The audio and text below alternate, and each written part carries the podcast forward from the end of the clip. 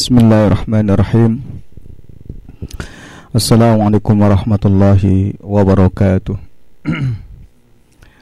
الحمد لله رب العالمين وبه نستعينه على أمور الدنيا والدين والصلاة والسلام على أشرف الأنبياء وإمام المرسلين حبيبنا وشافئنا محمد صلى الله عليه وسلم وعلى آله وأصحابه وأزواجه وذريته ومن تبعهم بإحسان إلى يوم الدين اللهم ربنا اشرح لنا صدورنا ويسر لنا أمورنا اللهم انفعنا بما علمتنا وعلمنا ما ينفعنا وارزقنا علما أما بعد Para pemirsa, para pendengar Radio Dakwah Jogja rahimakumullah. Alhamdulillah kembali kita haturkan ungkapan pujian dan sanjungan kita kepada Allah Subhanahu wa taala atas rahmat dan karunia-Nya kita kembali diperjumpakan oleh Allah Subhanahu wa taala di forum ini dan mudah-mudahan semua yang hadir senantiasa mendapatkan limpahan rahmat dan karunia Allah Subhanahu wa taala. Amin. Insyaallah eh, beberapa menit ke depan kembali kita akan mentadaburi ayat-ayat Allah Subhanahu wa taala yang Allah Subhanahu wa taala sampaikan di surah Al-Mu'minun ya uh, malam hari ini insya Allah kita akan membahas ayat yang ke-23 dan seterusnya insya Allah dan ketika Allah Subhanahu wa taala berfirman walaqad arsalna nuhan ila qaumihi ya qaumi ibudullaha ma lakum min ilahin ghairuh afala tattaqun faqala al-malu alladhina kafaru min qaumihi ma hadha ila basharun mithlukum yuridu ayatafaddala 'alaykum Walau sya'allahu la anzala malaikatan ma sami'na bihadza fi abainal awwalin. In huwa illa rajulun bihi jinnah fatarabbasu hatta hin. Para pemirsa rahmakumullah Allah Subhanahu wa taala mengutus Nabi Nuh alaihi salam tentu untuk membawa kebaikan kepada umat manusia. Dan ini adalah merupakan anugerah dan karunia Allah Subhanahu wa taala kepada kita semuanya. Allah menurunkan Al-Qur'an kepada kita di bulan Ramadan. Dan juga Allah Subhanahu wa taala mengutus Muhammad bin Abdullah kepada kita sebagai nabi dan sebagai rasul. Ini adalah merupakan anugerah yang sangat besar. Maka Allah katakan dalam Al-Qur'an, Walaqad manallahu 'alal mu'minina idh ba'atsa fihim rasulan minhum yatslu 'alaihim ayatik wa hikmata wa yuzakkihim wa in kunta min qablu lafi dhalalim mubin Sungguh Allah Subhanahu wa taala telah memberikan anugerah kepada orang-orang beriman. Apa bentuk anugerah itu? Yaitu dengan lahirnya Muhammad, yaitu dengan terutusnya Muhammad menjadi nabi dan menjadi rasul dan apa yang dilakukan oleh Muhammad Sallallahu Alaihi Wasallam adalah membacakan ayat-ayat Allah, mengajarkan ayat-ayat Allah, mengajarkan al-hikmah dan juga wayuzakihi membersihkan jiwa. Inilah yang kemudian tugas utama, tugas pokok seorang nabi Allah Subhanahu wa taala di dalam menyampaikan risalahnya. Karena manusia ini, para pemirsa rahimakumullah, diciptakan oleh Allah Subhanahu wa taala bukan sesuatu yang permainan semata. Ya, maka Allah katakan juga kepada kita apa hasibatum annama khalaqnakum abasa. Apakah kalian mengira bahwa manusia diciptakan oleh Allah Subhanahu wa taala ini abasan sebagai sesuatu yang sia-sia gitu? Tidak. Jadi Allah menciptakan kita itu ada tujuan, ada ghayah ya bukan sekadar permainan sebagaimana seseorang ketika menciptakan sesuatu sebagai permainan belaka. Tetapi adalah agar manusia ini sujud dan rukuk kepada Allah. Wa ma khalaqtul jinna wal insa illa liya'budun. Nah sehingga dengan demikian manusia yang Allah ciptakan laqad khalaqnal insana fi ahsani taqwim itu. Ya manusia yang Allah ciptakan dalam keadaan fi ahsani taqwim gitu ya sebaik-baiknya bentuk itu akan terjaga kemuliaannya. Ya, terjaga kehormatannya. Allah juga katakan walaqad karramna bani Adam.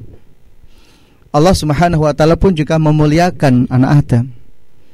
Jadi ketika Allah Subhanahu wa taala memuliakan manusia, ya, Allah menghormati manusia, Allah mengagungkan manusia di atas seluruh makhluknya ini, kemuliaan-kemuliaan itu agar tetap terjaga.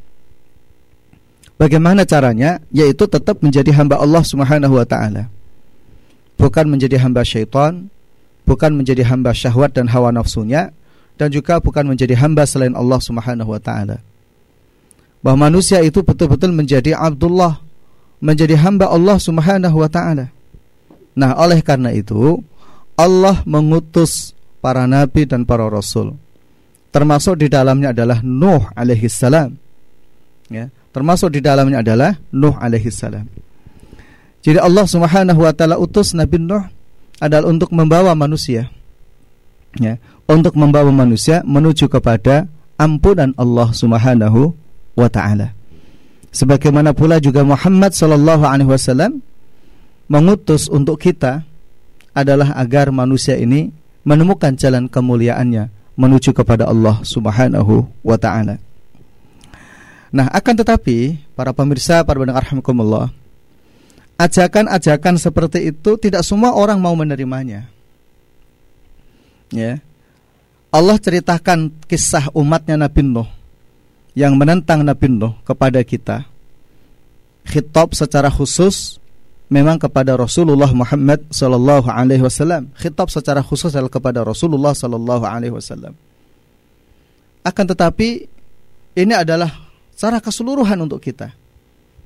Bahwa tidak setiap kebenaran yang bersumber dari zat yang maha benar yaitu Allah Subhanahu wa taala yang bersumber dari kalam yang benar waman asdaqu minallahi qila.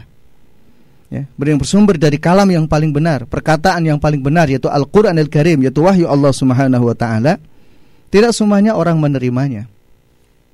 Ada juga yang menolaknya hampir setiap zaman dan generasi ada orang-orang yang kemudian memang menolak kebenaran tersebut. Justru mereka yang menolak kebenaran ini mengajak kepada manusia menuju kepada ad kesesatan. Di masa Muhammad sallallahu alaihi wasallam pun juga banyak mereka yang mengajak kepada kesesatan. Ada Abu Lahab yang Allah turunkan surat secara khusus, ya.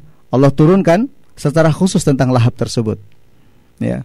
Begitu juga konco-konconya Abu Lahab yang kemudian mereka menolak mengimani Rasulullah Muhammad sallallahu alaihi wasallam. Nah, khusus tentang umatnya Nabi Nuh alaihi salam sebagaimana yang Allah ceritakan di dalam ayat ini justru mereka mengatakan in huwa illa rajulun bihi jinnah. Nuh itu tidak lain kecuali adalah orang yang gila. Maka fatarabbasu bihi hattahin. Tunggulah sampai saatnya nanti dia mati gitu. Kalau bahasa Jawanya ya orang mengatakan wis jarke wae ngora yo mati karepe dhewe. Ah gitu ya. Ada orang yang ngomong begitu. Udah biarin aja lah nanti juga mati dengan sendirinya gitu ya. Itu kalimat-kalimat yang muncul gitu ya di kalangan umatnya Nabi Nuh alaihi salam. Nah, itu yang disampaikan oleh Allah Subhanahu wa taala di situ ya. Jadi in huwa illa rajulun bihi jinnah. Tidaklah Nuh itu kecuali orang yang dia gila. Karena dia gila maka faktor basu sudah biarkan saja sampai dia mati dengan sendirinya itu. Ya, faktor basu bihi hatta hin. Imam Al-Qurtubi mengatakan ketika menjelaskan ayat faktor basu bihi hatta hin ai intadhiru mautahu. Tunggulah sampai dia mati gitu. Ya. Atau juga ada yang mengatakan hatta yastabina jununuhu sampai kemudian jelas kegilaannya. Ya. Jadi ini pendapat-pendapat yang muncul ya dari kalangan para ulama ketika menafsiri ayat in huwa illa rajulun bihi jinnah fatarabasu bihi hatta hin. Nah, para pemirsa rahimakumullah, para pendengar rahimakumullah, kenapa mereka mengatakan in huwa illa rajulun ya in huwa illa rajulun bihi jinnah? Karena mereka menganggap pertama ajakan-ajakan yang disampaikan oleh para nabi yang disampaikan oleh para rasul Allah Subhanahu wa taala itu bertentangan dengan kebiasaan dan budaya yang mereka lakukan selama ini. Ya, yaitu pengabdian dan penyembahan kepada selain Allah Subhanahu wa taala. Mereka selama itu telah menyembah selain Allah Subhanahu wa taala. ya umat wabil khusus ya umatnya Nabi Nuh yang mereka sembah adalah orang ya ya seseorang yang bernama Suwa Ya'uq Yagus Ya'uq Nasr gitu ya. Yang para ulama menceritakan para ahli tafsir menceritakan begini. Setelah Nabi Syis wafat kemudian dilanjutkan oleh cucunya yaitu Nabi Idris. Setelah Nabi Idris itu wafat ada yang mengatakan kira-kira lebih dari seribu tahun. Ya kira-kira ada yang mengatakan seribu dari satu tahun. Ini terputus panjang tidak ada nabi yang mengajak mereka kepada kebaikan kecuali rajulun soleh orang-orang soleh ya nah di antara orang-orang soleh itu namanya itu sebagaimana yang Allah sebutkan di dalam Al-Quran yang kudan mereka sembah ya siapakah itu ada di antara mereka yang bernama Ya'uq. Ya, ada namanya siapa? Nasr. Ya, ada namanya siapa lagi? Yahus, ya. Ada siapa lagi? Nah, itu. Jadi itu adalah nama-nama yang Allah Subhanahu wa taala sebutkan di dalam Al-Qur'an yang cerita tentang orang-orang soleh di masa Nabi Nuh. Nah, itulah orang-orang yang mengajak kepada kebaikan. Nah, pada generasi berikutnya, orang-orang soleh ini satu demi satu wafat dan kembali ke haribaan Allah Subhanahu wa Ta'ala. Ya. Dan masih diingat oleh generasi setelahnya. Ya. Masih diingat oleh generasi setelahnya. Apa yang mereka lakukan generasi setelahnya itu? untuk mengingat kebaikan yang mereka lakukan dan ajaran-ajaran yang mereka sampaikan kepada mereka, kemudian mereka membuat patung. Ya, kemudian mereka membuat membuat patung sesuai dengan gambar orang-orang soleh tersebut. Ya, sesuai dengan gambar orang-orang soleh tersebut gitu. Ya. Nah, sampai kemudian pada generasi berikutnya, ya, sampai pada generasi berikutnya, mereka tidak lagi menyembah kepada Allah ya mereka kemudian menjadikan patung-patung yang kemudian mereka awalnya menjadi sebagai pengingat itu tadi sesembahan selain Allah Subhanahu wa taala. Ya. Sebagai sesembahan selain Allah Subhanahu wa taala. Maka ketika Nabi Nuh alaihi salam hadir di tengah-tengah mereka untuk mengajak kepada tauhid, maka mereka menentang wa qalu la tadharunna alihatakum la wala tadharunna wala suwa'a wala yahusa wa ya'uqa wa nasra jangan sekali-kali kalian itu meninggalkan sesembahan kalian. Siapa yang kalian sembah selama ini? Yaitu suwa yahus ya'uq dan nasr.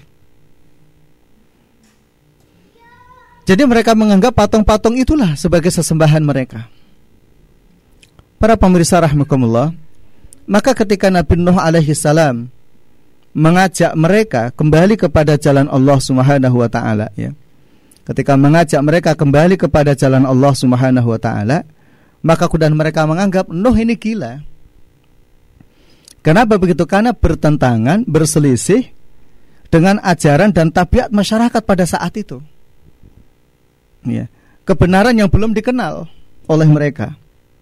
Karena sudah sekian lama mereka bergelimang di dalam kesyirikan. Sekian lama mereka bergelimang di dalam dosa dan kemaksiatan. Ya. Dan itulah Nabi Nuh alaihi salam. In huwa dianggap oleh masyarakatnya siapa?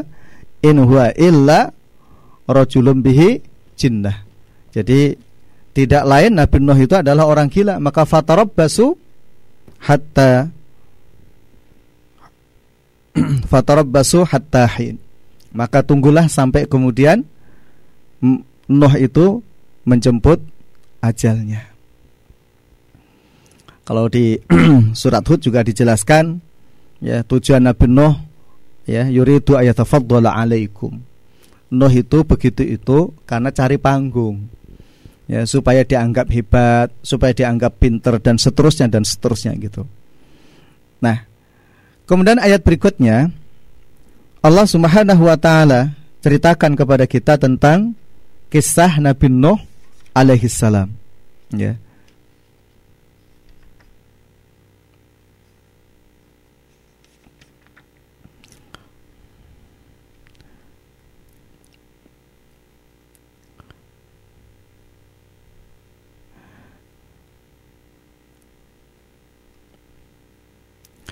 Qala rabbin surni bima kadzabun. Qala ketika Nuh melihat seperti itu, maka kemudian Nuh berdoa kepada Allah Subhanahu wa taala, "Rabbi unsurni bima kadzabun." Ya Allah, tolonglah aku ya atas apa yang mereka dustakan kepada aku. Nabi Nuh alaihissalam ketika berdakwah Allah ceritakan berapa lama Nabi Nuh itu berdakwah seribu tahun kurang lima puluh. Sembilan ratus lima puluh tahun. Ya kalau di masa sekarang saya tidak tahu berapa generasi gitu ya. Ini kalau kita sejak zaman Nabi Muhammad Sallallahu Alaihi Wasallam ya, ya, kita sudah melewati 1400 tahun. Nah, Nabi Nuh ini berdakwah kepada Allah Subhanahu wa taala kira-kira 950 tahun. Dan pengikutnya itu tidak banyak. Ya, pengikutnya itu tidak banyak, hanya sedikit. Ya, hanya sedikit. Tapi Nuh alaihissalam tetap bersabar karena itu adalah merupakan tugas dan tanggung jawab sebagaimana yang Allah Subhanahu wa taala perintahkan kepadanya. Nah, di dalam surat Nuh itu disebutkan ya, Nabi Nuh sudah berupaya keras di dalam berdakwah kepada Allah Subhanahu wa taala, mengajak kepada mereka. Ya, hingga Nuh mengatakan dan sebagai bentuk keluh kesah kepada Allah Subhanahu wa taala, qala rabbi inni ta'utu qaumi lailan wa nahara falam yazidhum du'ai illa firara wa inni kullama ta'utuhum litaghfira lahum ja'alu asabi'ahum fi adanihim wastaghshaw thiyabahum wa asarru wastakbarus tikbara summa inni ta'atuhum jihara summa inni a'lantu lahum wa asrartu lahum israra jadi kalau kita melihat ayat ini ya secara khusus Allah Subhanahu taala menurunkan surat Nuh ya untuk memberikan gambaran tentang dakwah yang dilakukan oleh Nabi Nuh alaihissalam dan juga dinamika pertentangan masyarakat ya kepada dakwahnya Nabi Nuh alaihi salam. Nabi Nuh matur kepada Allah Subhanahu wa taala, "Rabbi inni ta'utu qaumi laila wa nahara." Nabi Nuh alaihi salam melakukan segala bentuk macam pendekatan kepada masyarakatnya. Waktu misalnya dari sisi waktu ya. Itu lailan wa nahara, siang dan malam tanpa berhenti. Ya, itu dilakukan kikih. Ya, menjalankan tugas sebagai seorang rasul, menjalankan tugas sebagai seorang nabi untuk mengajak manusia kembali kepada tauhid atas bimbingan Allah Subhanahu wa taala siang dan malam gitu. Tetapi sekalipun demikian falam yaziduhum du'ai illa firara. Mereka tidak menjawab panggilanku ya Allah, tidak menjawab seruanku ya Allah, kecuali mereka apa? Firar. Firar itu apa? Lari. Menolak terhadap dakwahnya Nabi Nuh alaihissalam.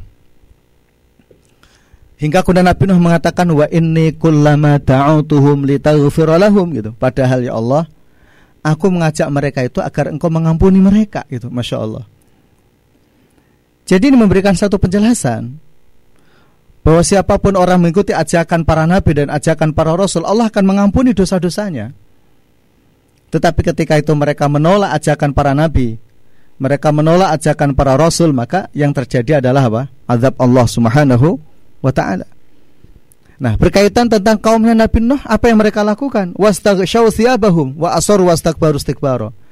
Mereka menutupi kedua telinga mereka itu dengan apa namanya? jari telunjuk. Ya, ditutupi begini. Dan kemudian bajunya dibuat menutupi kepalanya dan sebagian ke telinganya. Ya, jadi pura-pura tidak tahu, pura-pura tidak mendengar apa yang disampaikan oleh Nabi Nuh alaihi Nah, Allah juga ceritakan di dalam surat Nuh itu summa ini ta'atuhum jihara, summa inni a'lantu wa asrartu lahum israra. Terang-terangan sudah aku lakukan, rahasia pun juga sudah dilakukan, di ruang publik sudah dilakukan, pendekatan personal juga sudah dilakukan, berbagai bentuk macam cara. Ya, sudah dilakukan oleh Nabiullah Nuh alaihi salam untuk mengajak apa? kaumnya menuju kepada Allah Subhanahu wa taala. Tetapi justru umatnya Nabi Nuh ini menolak bahkan mengatakan in huwa illa rajulun bihi jinnah. Tidaklah Nuh itu kecuali apa? Seorang laki-laki yang gila. Maka basu bihi hatta hin. Ya, maka tunggulah, tinggalkanlah Nabi Nuh itu sampai dia apa? Sampai dia mati. Itu, Masya Allah. Itulah kaumnya Nabi Nuh begitu itu. Maka udah Nabi Nuh berdoa kepada Allah Subhanahu wa taala ya karena mereka telah didustakan oleh kaumnya, ditolak oleh kaumnya, dia memohon kepada Allah Subhanahu wa taala, "Rabbi surni bima kadzabun." Ya, ya Allah, tolonglah aku karena mereka telah mendustakanku. Ini sungguh sesuatu yang menarik. Nabi Nuh alaihissalam berdoa kepada Allah kapasitasnya beliau sebagai seorang nabi sebagai seorang rasul yang didustakan oleh kaumnya bukan berdoa atas pribadinya ya kenapa karena ini bicara tentang maka natur rasul maka natur nabi kedudukan rasul dan kedudukan nabi di tengah-tengah umat manusia ya kalau orang sudah meremehkan nabi orang sudah meremehkan rasul gitu berarti dia juga telah meremehkan siapa? Allah. Ya. Orang telah meremehkan Allah Subhanahu wa taala. Ya. Misalkan kalau kemudian kita di masa sekarang ini kita sebagai umat Muhammad ya, bolehlah seseorang itu misalnya menolak pendapat seseorang. Boleh, tidak apa-apa. Ya kan? Tetapi ingat ketika orang itu membacakan hadis Nabi Shallallahu Alaihi Wasallam dan menjelaskan hadis Nabi itu dengan benar, maka seharusnya orang yang beriman kepada Allah Subhanahu Wa Taala itu ikhtiram, memuliakan. Bukan kepada orangnya. Kalau misalkan orang tidak peduli dengan orangnya, monggo gitu. Tetapi adalah siapa? Yang harus dimuliakan adalah sabda Rasulullah Shallallahu Alaihi Wasallam. Gitu. Tapi kadang-kala seseorang karena fanatisme, ya kan, itu tidak melihat itu. Kadang-kala karena ketidaktahuan, ya dia tidak melihat itu, ya. Atau orang karena belum faham. Jadi akhirnya muncul sikap emosional-emosional yang menentang terhadap apa dakwah para nabi dan para rasul. Baik. Para mirsa rahimakumullah. Ketika Nabi Nuh alaihi salam berdoa kepada Allah Subhanahu seperti itu, maka dijawab oleh Allah doanya. Dan kemudian Allah katakan, "Fa'auhayna ilaihi anisna'il fulka bi'ayunina wa wahina. Fa idza jaa amruna wa farat tanur." Ya. Fasluk fiha min kulli zawjain isnaini. Wa ahlaka illa man sabaqa alaihi alqawlu minhum. Wala tukhatibni fil ladzina zalamu innahum mughraqun.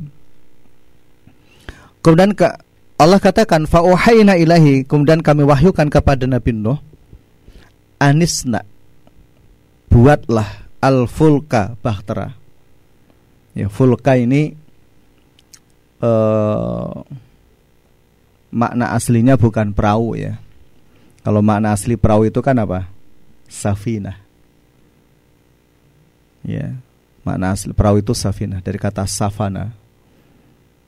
Sesuatu yang dinaiki di atas air. Nah, di dalam ayat ini Allah menggunakan kalimat al-fulka. Ya, itu memberikan suatu pemahaman bahwa sesuatu yang dibuat oleh Nabi Nuh ini besar. Ya, armada yang besar jadi kalau orang sekarang bicara tentang kapal induk gitu ya. Kira-kira apakah sebesar itu itu ya? Allah alam. Tapi besar. Karena di situ mengangkut manusia dan juga hewan ternak. Nah, saya tidak tahu teknologi yang dilakukan pada saat itu ya. Kalau di zaman sekarang kan teknologinya sudah luar biasa.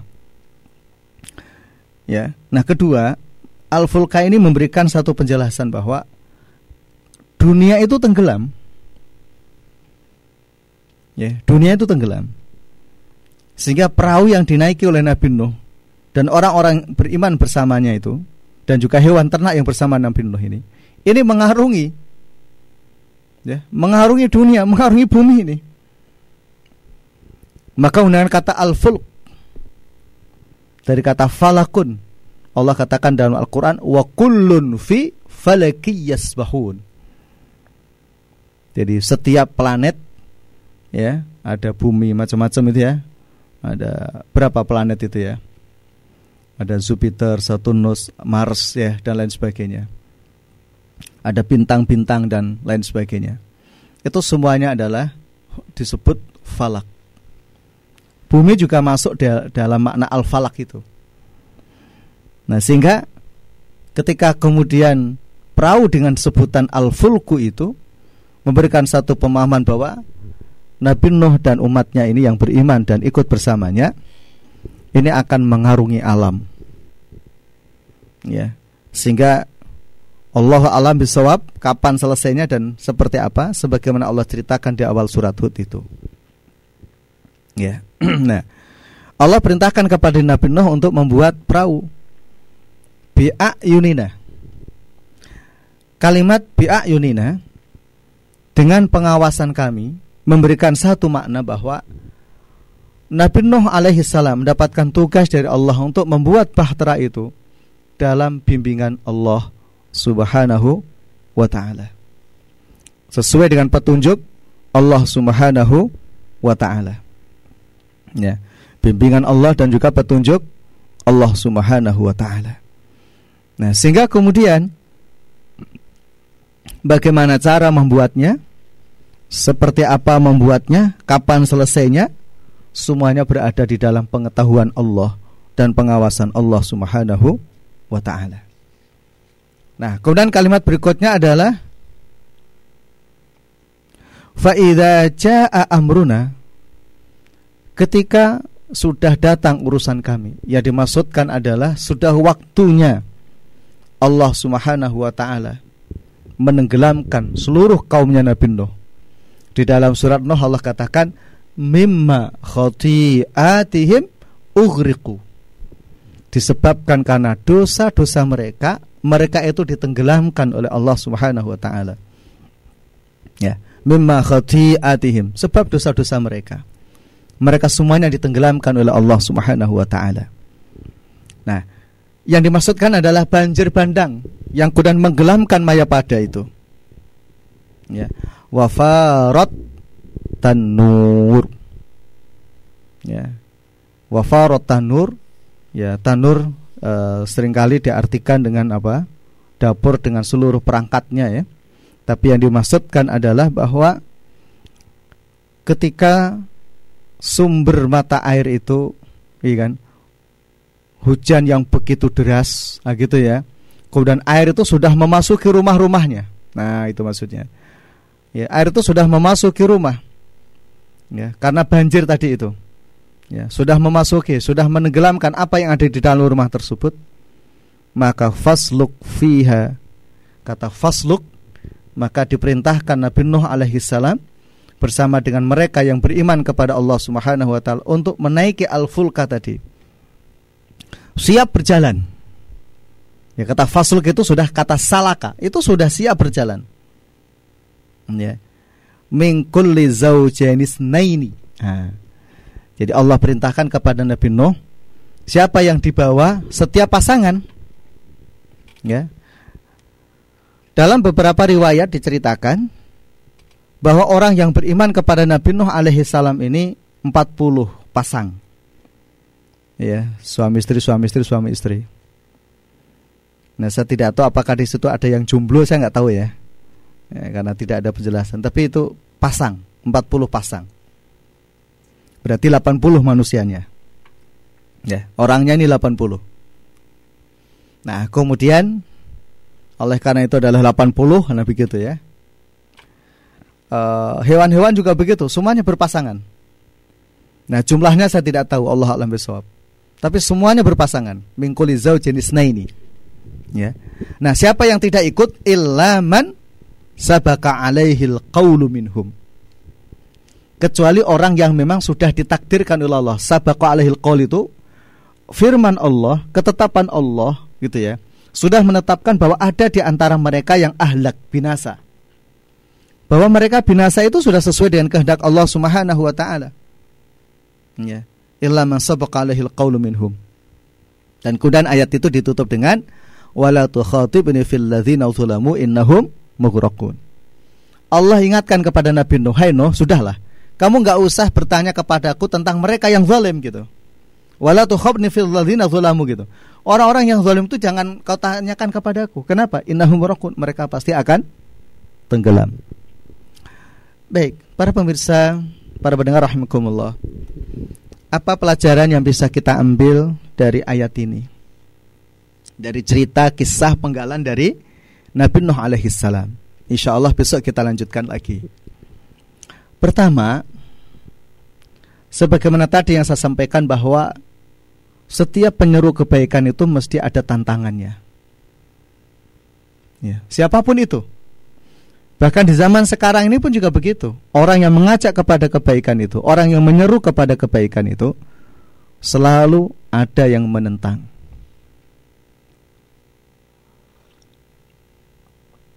Siapa yang paling besar menentang itu? Para tokoh sebagaimana kisah tentang Nabi Nuh malaul min ya para tokohnya para pembesarnya dan para tokoh itulah yang kemudian membuat kalau bahasa sekarang isu fitnah. Ya bahwa Nabi Nuh alaihi salam ini adalah gila. Ya. Jadi kalau kemudian kita renungkan di masa sekarang ini ada seorang dai misalnya seorang kiai, ya, seorang guru, seorang ustadz atau siapa pun gitu ya, yang mengajak kepada kebaikan dan itu sudah mengancam kekuasaan, nah gitu ya, maka justru yang paling besar penentangnya adalah para penguasa itu, ya, yang paling besar penentangannya itu adalah para penguasa itu. Ya. Waqala al-malul kafuru min itu.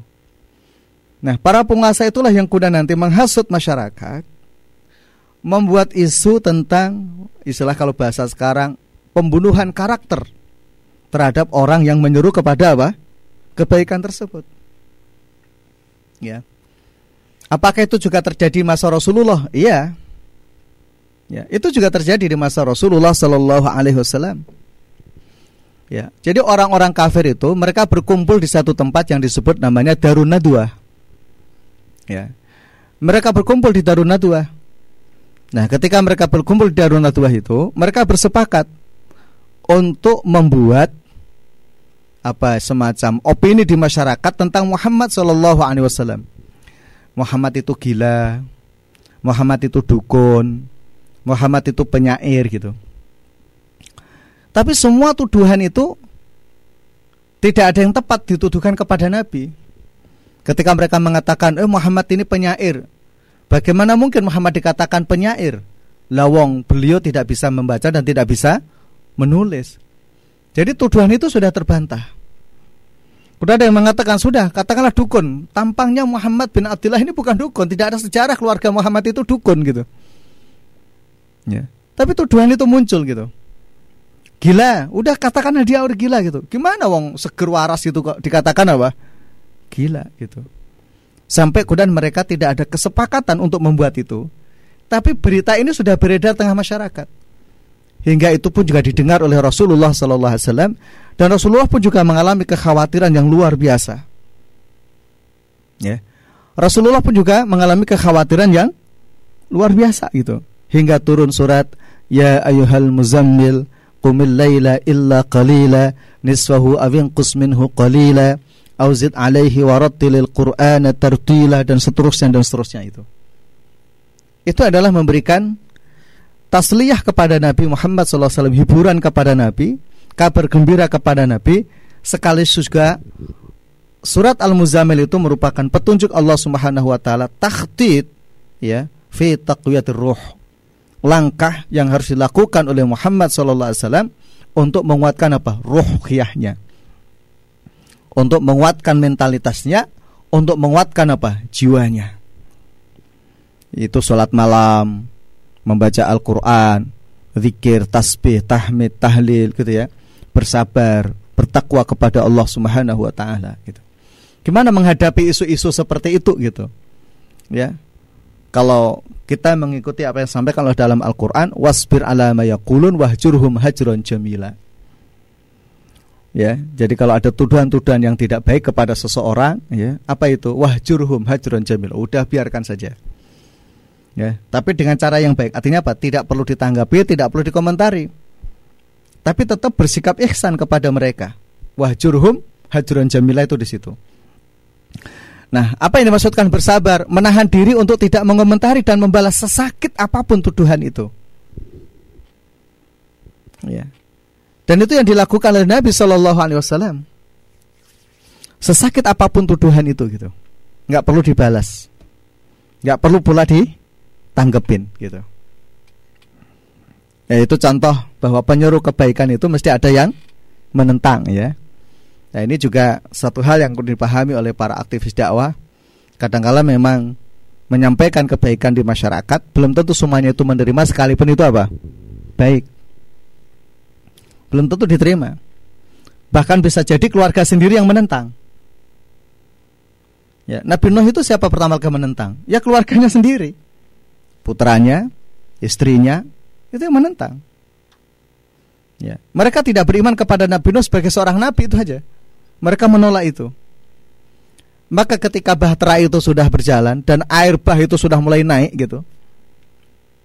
Ya kan? Kan di surat Hud itu diceritakan, "Ya bunaya irkab ma'ana wala takum ma'al kafirin." Wahai anakku, ayo nak bersama bapak nak gitu. Kamu jangan bersama orang-orang kafir. Ayo nak bersama bapak gitu. Tapi anaknya enggak mau. Ya kan? Sa'awi ila jabilin ya'simuni minal ma. Aku akan naik gunung yang tinggi. Air pasti tidak akan menjangkauku gitu. Ya, tapi air bah terus naik. Sampai gunung pun apa? Tenggelam gitu.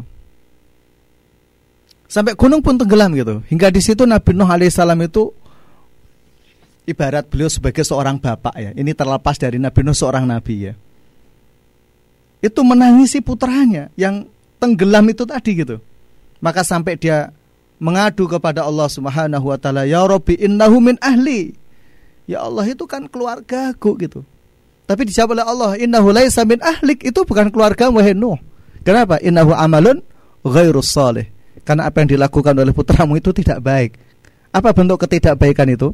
Karena menolak terhadap dakwah Nabi Nuh alaihi salam. Allah alam besar. Jadi saya melihat kesobaran Nabi Nuh ini luar biasa. Ya, coba antum bayangkanlah, antum ngajak kebaikan yang menentang itu keluargamu sendiri gitu. Istri dan anakmu sendiri gitu. Kira-kira gimana itu? Mentalnya bisa jatuh itu. Tapi ini Nabi Nuh luar biasa, tetap berjalan gitu. Ya. Tetap berjalan menjalankan tugas sebagai nabi, sebagai seorang rasul sekalipun istri dan anaknya itu tidak tidak beriman kepadanya. Ya. Jadi memang demikian sunnatullah. Ya. Demikian sunnatullah itu. Kadangkala memang kebaikan-kebaikan itu yang penentang itu ya keluarga itu. Ya, masya Allah. Apakah itu juga terjadi pada Rasulullah? Iya. Ya kan? Masya Allah. Jadi ketika Rasulullah itu lahir gitu, Siapa orang paling senang sampai membebaskan budaknya itu? Abu Lahab kan? Ya, Abu Lahab. Ada hadis yang diriwayatkan oleh Imam Bukhari. Walaupun ini menjadi pertentangan di kalangan para ulama ya. Abu Lahab itu setiap hari Senin itu mendapatkan syafaat dari Nabi. Apa bentuk syafaatnya? Khifatun azab. Jadi azabnya itu diringankan oleh Allah. Kenapa? Karena Abu Lahab itu bergembira atas kelahiran Muhammad Shallallahu Alaihi Wasallam. Ya, ini mimpi seorang sahabat. Ketika dia bertemu dengan Abu Lahab, bagaimana kabarmu? Ya, hadis Sahih Bukhari. Saya setiap hari Senin mendapatkan keringanan azab dari Allah. Kenapa? Karena aku bergembira atas kelahiran Muhammad Shallallahu Alaihi Wasallam. Sekalipun ini memang uh, dalam konteks pengambilan pengambilan ibrohnya, pengambilan iktibarnya uh, para ulama banyak menentang karena ini hasil, ceritanya adalah mimpi. Ya, mimpi itu tidak bisa dijadikan apa? landasan hukum untuk melakukan sesuatu atau meninggalkan sesuatu ya Allah alam. Tapi itu di, di, dikutip oleh Imam Bukhari dan banyak para ulama sepakat ketika Imam Bukhari yang meriwayatkan semuanya istislam. Ya, apa itu? Menerima. Ya, mereka mereka menerima. Jadi bil qabul hatinya mereka menerima itu. Ini Abu Lahab. Ya, dia bergembira atas kelahiran Muhammad sebab gembiranya itu dia mendapatkan apa? Syafaat dari Rasulullah sallallahu alaihi wasallam. Tapi siapa pertama kali menentang dakwah Muhammad? Pamannya sendiri kan? Sampai kemudian Allah turunkan khusus tentang Abu Lahab itu. Ada surat khusus tentang apa? Allah. Ketika Rasulullah mendapatkan penjelasan bahwa beliau adalah rasul, beliau adalah nabi. Dia kumpulkan seluruh keluarganya. Mulai dari Bani Ka'ab, Bani Lu'ai, Bani Fihr, Bani Manab, ya, dikumpulkan semuanya. Ya, Bani Hashim, Bani Muthalib, semuanya dikumpulkan dan katakan qulu la ilaha illallah tuflihu. Katakanlah la ilaha illallah maka kalian akan apa?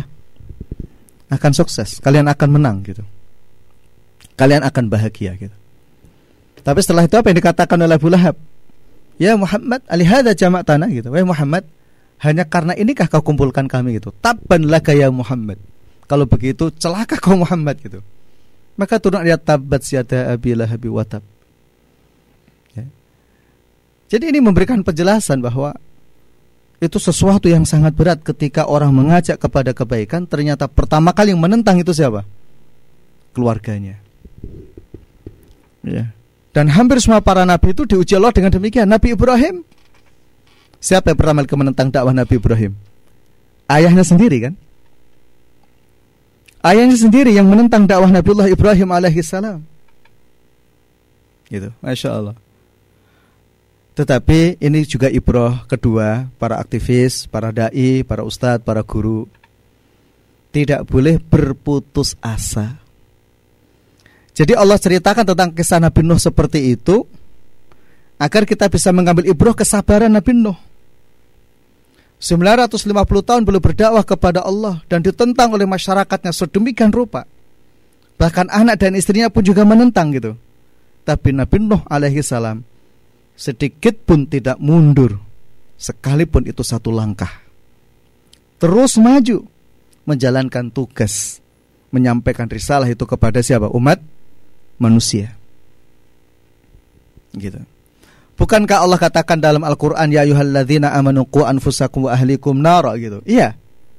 Kita semuanya diperintahkan oleh Allah untuk apa? Agar keluarga itu dijaga dari azab Allah Subhanahu wa taala. Kalau mau ya. Bagaimana kalau tidak mau? Inna hudahudallah. Hidayah itu adalah milik Allah. Jadi Allah berkenan untuk memberikan hidayah kepada siapa saja yang Allah kehendaki. Ya. Jadi belum tentu ya, keluarga Nabi itu ya beriman kepada Nabi itu belum tentu gitu. Sebagaimana keluarga ustadz, keluarga guru, keluarga kiai gitu, belum tentu juga. Ya. Tapi semuanya itu telah berusaha untuk mengajak kepada apa? Kebaikan. Karena hidayah adalah milik Allah Subhanahu wa taala ketika Abu Talib paman Rasulullah Sallallahu Alaihi Wasallam itu mengalami sakaratul maut. Ya, Rasulullah Sallallahu Alaihi Wasallam mendekati beliau dan mengajak untuk mengucapkan kalimat La ilaha illallah. Tetapi pamannya Abu Talib itu menolak, tetap mengikuti sebagaimana agama orang Quraisy. dan turunlah ayat di surat Al-Ankabut.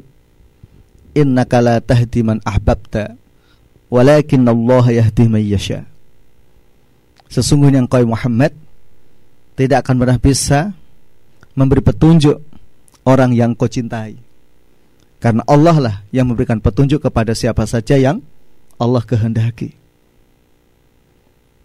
nah sehingga kemudian seorang dai akan mendapatkan pahala dari Allah karena sabarnya dalam dakwah, bukan karena jumlah pengikutnya.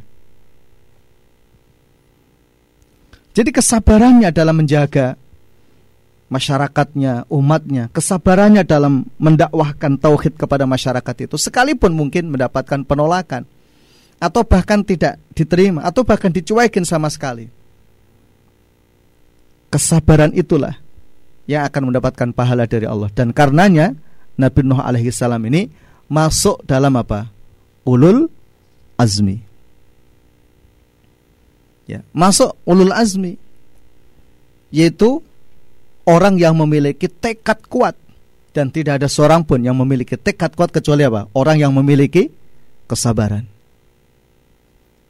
Ya, maka kalau di dalam kitab Ta'limul Muta'lim itu ada ungkapan begini. Asyaja'atu sabru sa'ah. Jadi keberanian itu adalah kesabaran sesaat. Nah, kenapa dikatakan keberanian itu adalah kesabaran sesaat gitu loh? Karena memang tidak ada seorang pun yang memiliki sifat syaja'ah kecuali bahwa dia adalah orang yang sabar. Oleh karena itu sumber kekuatan, sumber keteguhan, sumber ketabahan itu adalah pada kesabaran. Termasuk juga di dalamnya adalah di dalam berdakwah kepada Allah Subhanahu wa taala. Kemudian ketiga, beberapa pelajaran yang bisa kita ambil di sini. Pertolongan Allah Subhanahu wa taala kepada siapa pun yang tulus dan ikhlas dalam berdakwah kepada Allah Subhanahu wa taala ini bentuknya beragam, bermacam-macam. Dan kita juga bisa melihat sejarah para nabi dan sejarah para rasul. Mereka ini ditolong oleh Allah, mereka itu dibantu oleh Allah dan dimudahkan urusannya oleh Allah Subhanahu wa taala. Itu bermacam-macam.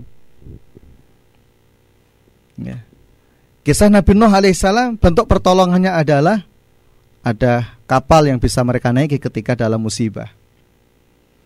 Ya, bentuk pertolongan Allah kepada Nabi Ibrahim alaihissalam adalah terbebasnya dia dari api ketika dibakar. Dan begitu seterusnya, para nabi dan para rasul ini dibantu dan ditolong oleh Allah Subhanahu wa taala sesuai dengan situasi dinamika yang mereka hadapi. Ya. Begitu juga Muhammad SAW juga ditolong oleh Allah Subhanahu Wa Taala dengan berbagai bentuk macam. Ya. Nah, di antara bentuk pertolongan yang Allah berikan kepada Muhammad adalah banyaknya orang yang kemudian masuk ke dalam Islam. Yang itu Allah sebutkan idza jaa nasrullahi wal fath wa ra'aitan nasa yadkhuluna fi dinillahi afwaja fasabbih bihamdi rabbika wastaghfirhu innahu kana tawwaba. Nah oleh karena itu Para da'i, para aktivis, siapa pun penyeru kebenaran Siapa pun penyeru kebaikan Teruslah berdoa kepada Allah yang diiringi dengan kesabaran dan keikhlasan Apa doanya? Rabbing surni bima kadzabun Sebagaimana yang dibaca oleh siapa? Nabi Nuh alaihi salam Demikian dulu insya Allah Esok kita lanjutkan masih di ayat ini Mohon pangapunten yaitu ibrah yang bisa kita ambil, pelajaran yang bisa kita ambil dari cerita-cerita tersebut. Mudah-mudahan ini bermanfaat. Allah alam bisawab.